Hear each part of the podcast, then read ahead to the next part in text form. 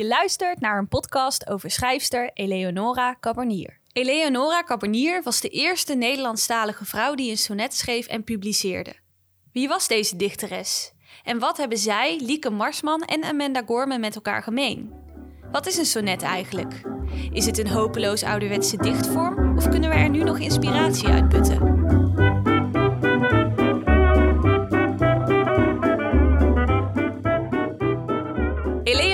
Cabernier leefde in de 16e eeuw. Ze was de dochter van de burgemeester van Veren in Zeeland. Wanneer ze precies geboren werd, weten we niet, maar ergens in de jaren 1550 liet ze haar portret schilderen door een Gentse schilder, Lucas de Heren, op wie ze verliefd werd. Lucas en zij wilden trouwen, maar de rijke familie van Eleonora zag een huwelijk met de schilder niet zitten. Het duurde tot na de dood van Eleonora's vader in 1560 voordat ze konden trouwen. Samen gingen ze in Gent wonen, waar de heren een succesvol schildersatelier had. In de jaren 1560 begon de Nederlandse opstand tegen de koning van Spanje en tegen de onderdrukking van de protestanten. Lucas en Eleonora moesten in de 25 jaar daarna een aantal keren naar het buitenland vluchten vanwege Lucas' hervormingsgezinde ideeën. Lucas de Heren stierf in 1584. Helaas weten we niet wanneer Eleonora Cabernier is gestorven en of ze ooit kinderen heeft gekregen. Lucas was lid van een rederijkerskamer. Dat was in de 16e eeuw een gezelschap van mannen die bijeenkwamen om poëzie voor te dragen en dichtwedstrijden te houden. De rederijkerskamer van Lucas de Heren heette de Balsem Blommen. De leden waren gefascineerd door nieuwe vormen van dichtkunst, zoals het sonnet. In 1565 verscheen een bundel gedichten van de heren met zijn eigen experimenten met deze nieuwe vormen. Het boek heette Den Hof en Boomgaard der Poëzieën en bestond uit een aantal gedichten opgedragen aan bekenden van de heren. Ook Eleonora Cabernier speelde een rol in deze bundel. Ze was het onderwerp van een sonnet en van twee amoreuze brieven die de heren voor haar maakten. Maar ze schreef zelf ook twee gedichten voor de bundel een vijfregelig gedicht als voorwoord en een vertaling van een Frans sonnet. Daarmee is ze de eerste vrouwelijke dichter die een Nederlands sonnet schreef en publiceerde. Het sonnet werd geschreven door Lucas en de titel luidt in modern Nederlands: Sonnet vertaald door de vrouw van de auteur van een Frans sonnet door hem geschreven op een schilderij van Willem Kei. Dat werd in de 16e eeuw vaker gedaan. Eerst werd een gedicht in zo'n nieuwe vorm in het Frans opgeschreven en daarna werd het heel precies in het Nederlands vertaald. Het thema van het gedicht is de schilderskunst als een perfecte nabootsing van de werkelijkheid. Zoals de meeste renaissance-schilders beschouwde Lucas de Heren het natuurgetrouw schilderen van de werkelijkheid als het allerhoogste goed. Wat is een sonnet eigenlijk? Het sonnet is misschien wel de bekendste versvorm aller tijden. Het dateert uit de 13e eeuw en wordt ook wel klinkdicht genoemd, omdat een sonnet vooral mooi moest klinken. Een sonnet heeft een vaste vorm.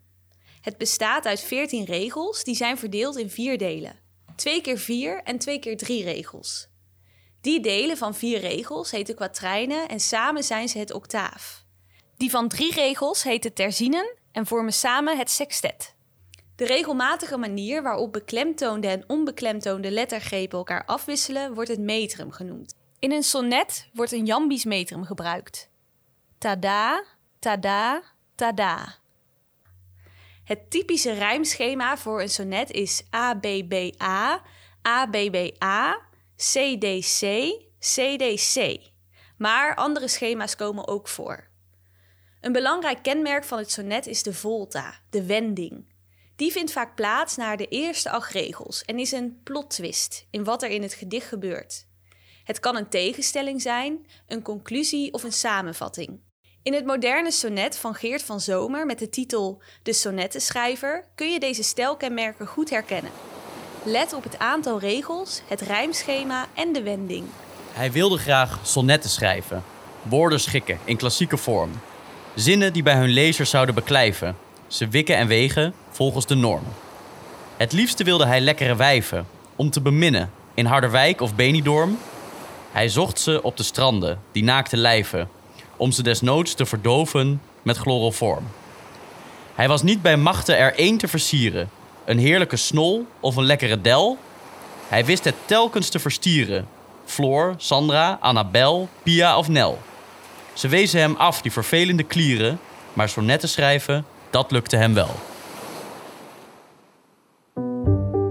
Een eigenaardig sonnet. Terug naar de Twee Gezellen van Eleonora. Een sonnet dat helemaal volgens de klassieke regels is geschreven. Het is ook het oudste voorbeeld van een dialoogsonet in het Nederlands. Een sonnet met een gesprek op rijm tussen twee mensen.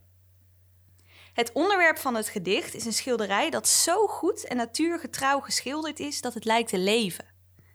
Vrouwelijk naakt heet het en het is geschilderd door de Antwerpse schilder Willem Keij.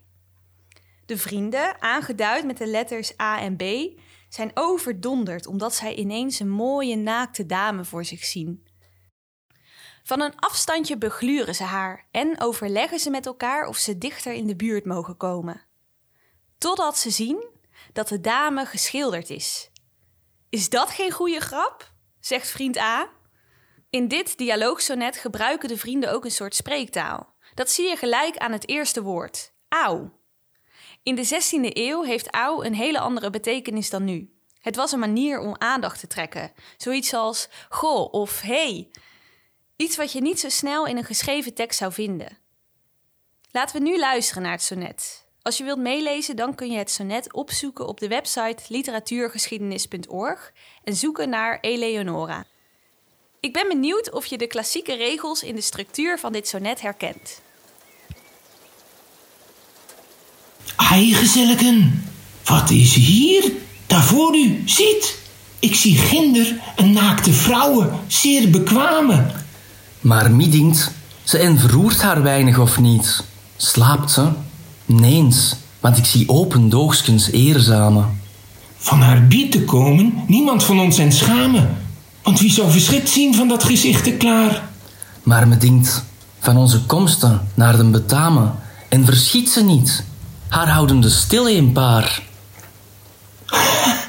Is dat niet een goed stuk, als ik het werde gewaar? Het is schilderieën. Tast, wilt uw hand geloof geven? Zien we niet wel bedot en de uitgestreken daar?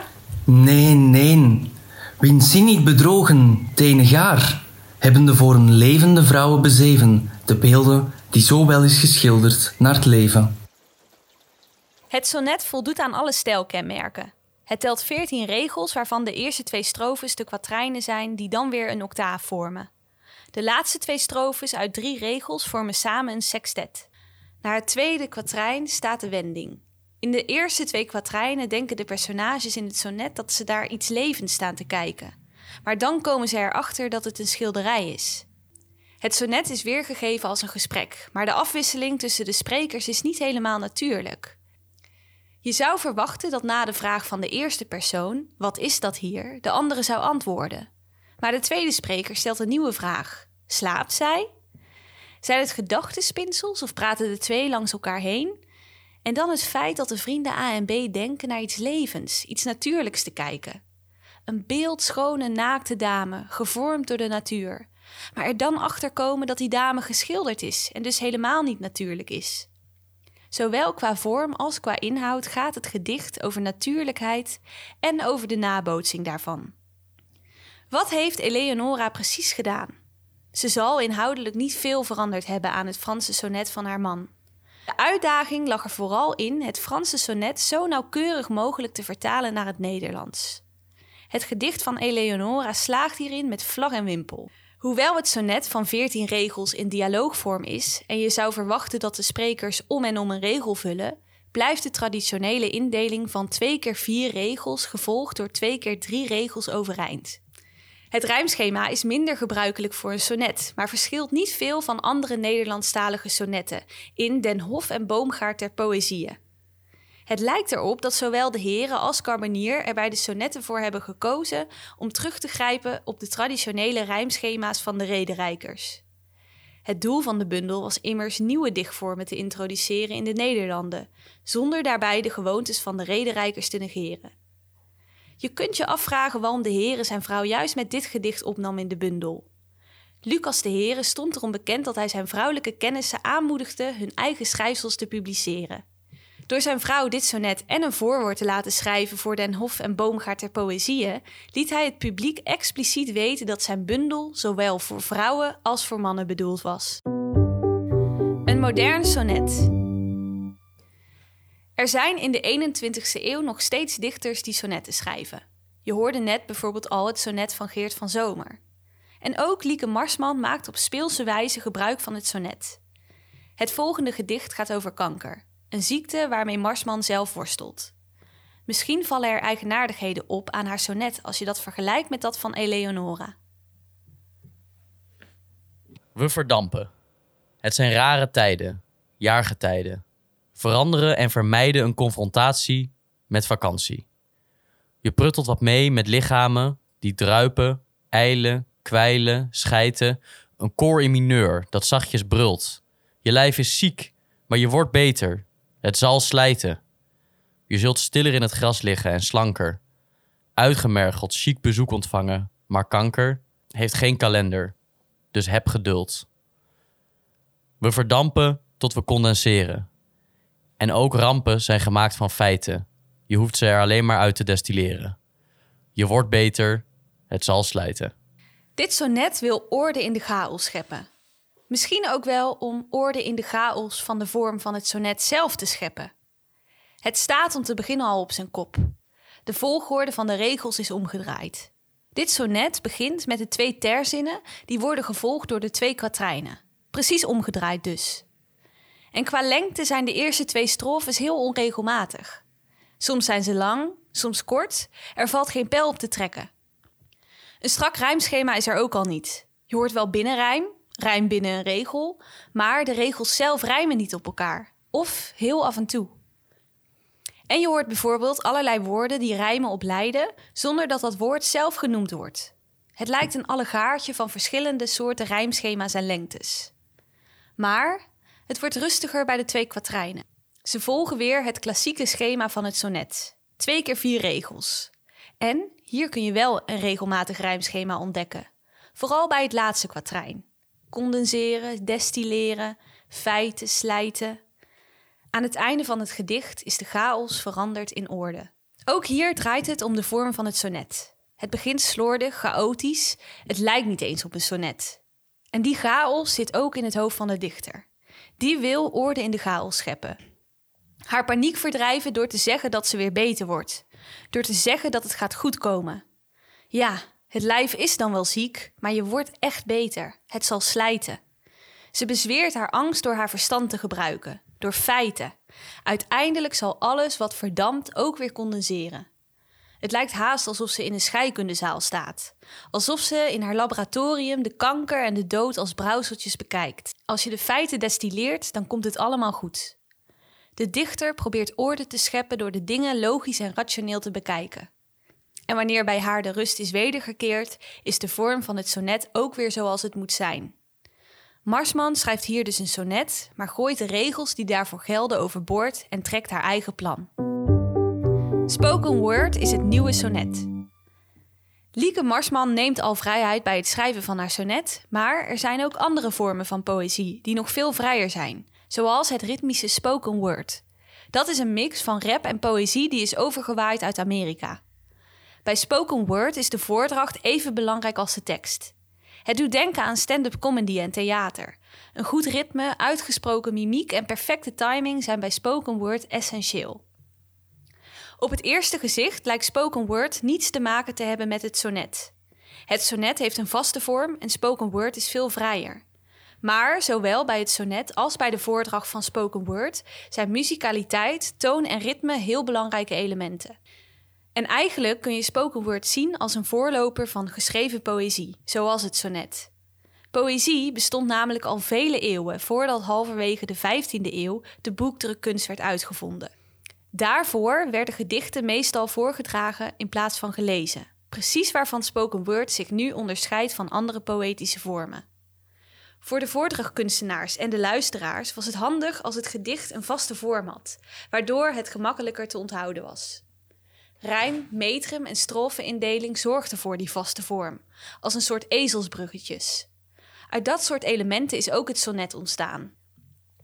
Toch gaat de hedendaagse spoken word verder dan traditionele voordragspoëzie, want het wordt vaak gecombineerd met andere disciplines, zoals muziek, theater, beweging of beeldkunst, zodat het echt een soort show wordt. Spoken word wordt vaak gebruikt in plaats van de traditionele gelegenheidspoëzie. Gelegenheidsgedichten zijn gedichten die bijvoorbeeld worden geschreven naar aanleiding van een huwelijk, geboorte of overlijden. Of bij de inauguratie van een nieuwe president. Bij de inhuldiging van president Biden in januari 2021 mocht de 22-jarige zwarte dichter Amanda Gorman een spoken word gedicht voordragen. Het heet The Hill We Climb. Hier volgen enkele fragmenten in het Nederlands. Bij de dageraad vragen we ons af: waar is het licht in dit eindeloze duister? En toch is het ochtendgloren van ons, voordat we het wisten. Hoe dan ook doen we het. Hoe dan ook overleefden we en maakten een land mee, dat niet kapot maar simpelweg onaf is. Waar een mager zwart meisje, afstammend van slaven en opgevoed door alleen een moeder, kan dromen president te worden. En dan zichzelf voor één ziet voordragen. En ja, we zijn nog lang niet gepolijst, nog lang niet ongerept. Amanda's lichaam bewoog mee op het ritme van haar gedicht. Het werd haast een soort muziekstuk, waarin het ritme, het metrum en de toon bijdroegen aan haar voordracht. Amanda's stem en beweging zijn onderdeel van wat het gedicht betekent. En misschien is dat wel het grootste verschil met een vaste vorm zoals het sonnet. Eleonora Cabonier was de eerste vrouw die een Nederlandstalig sonnet publiceerde. En Amanda Gorman de eerste zwarte vrouw die een gedicht mocht voordragen bij de inauguratie van een president. En waar Eleonora Cabonier een nieuw genre, het sonnet, introduceerde in Nederland, daar heeft Amanda Gorman de dichtvorm spoken word aan een wereldwijd publiek geïntroduceerd. Beide vrouwen zijn dus pioniers in de dichtkunst.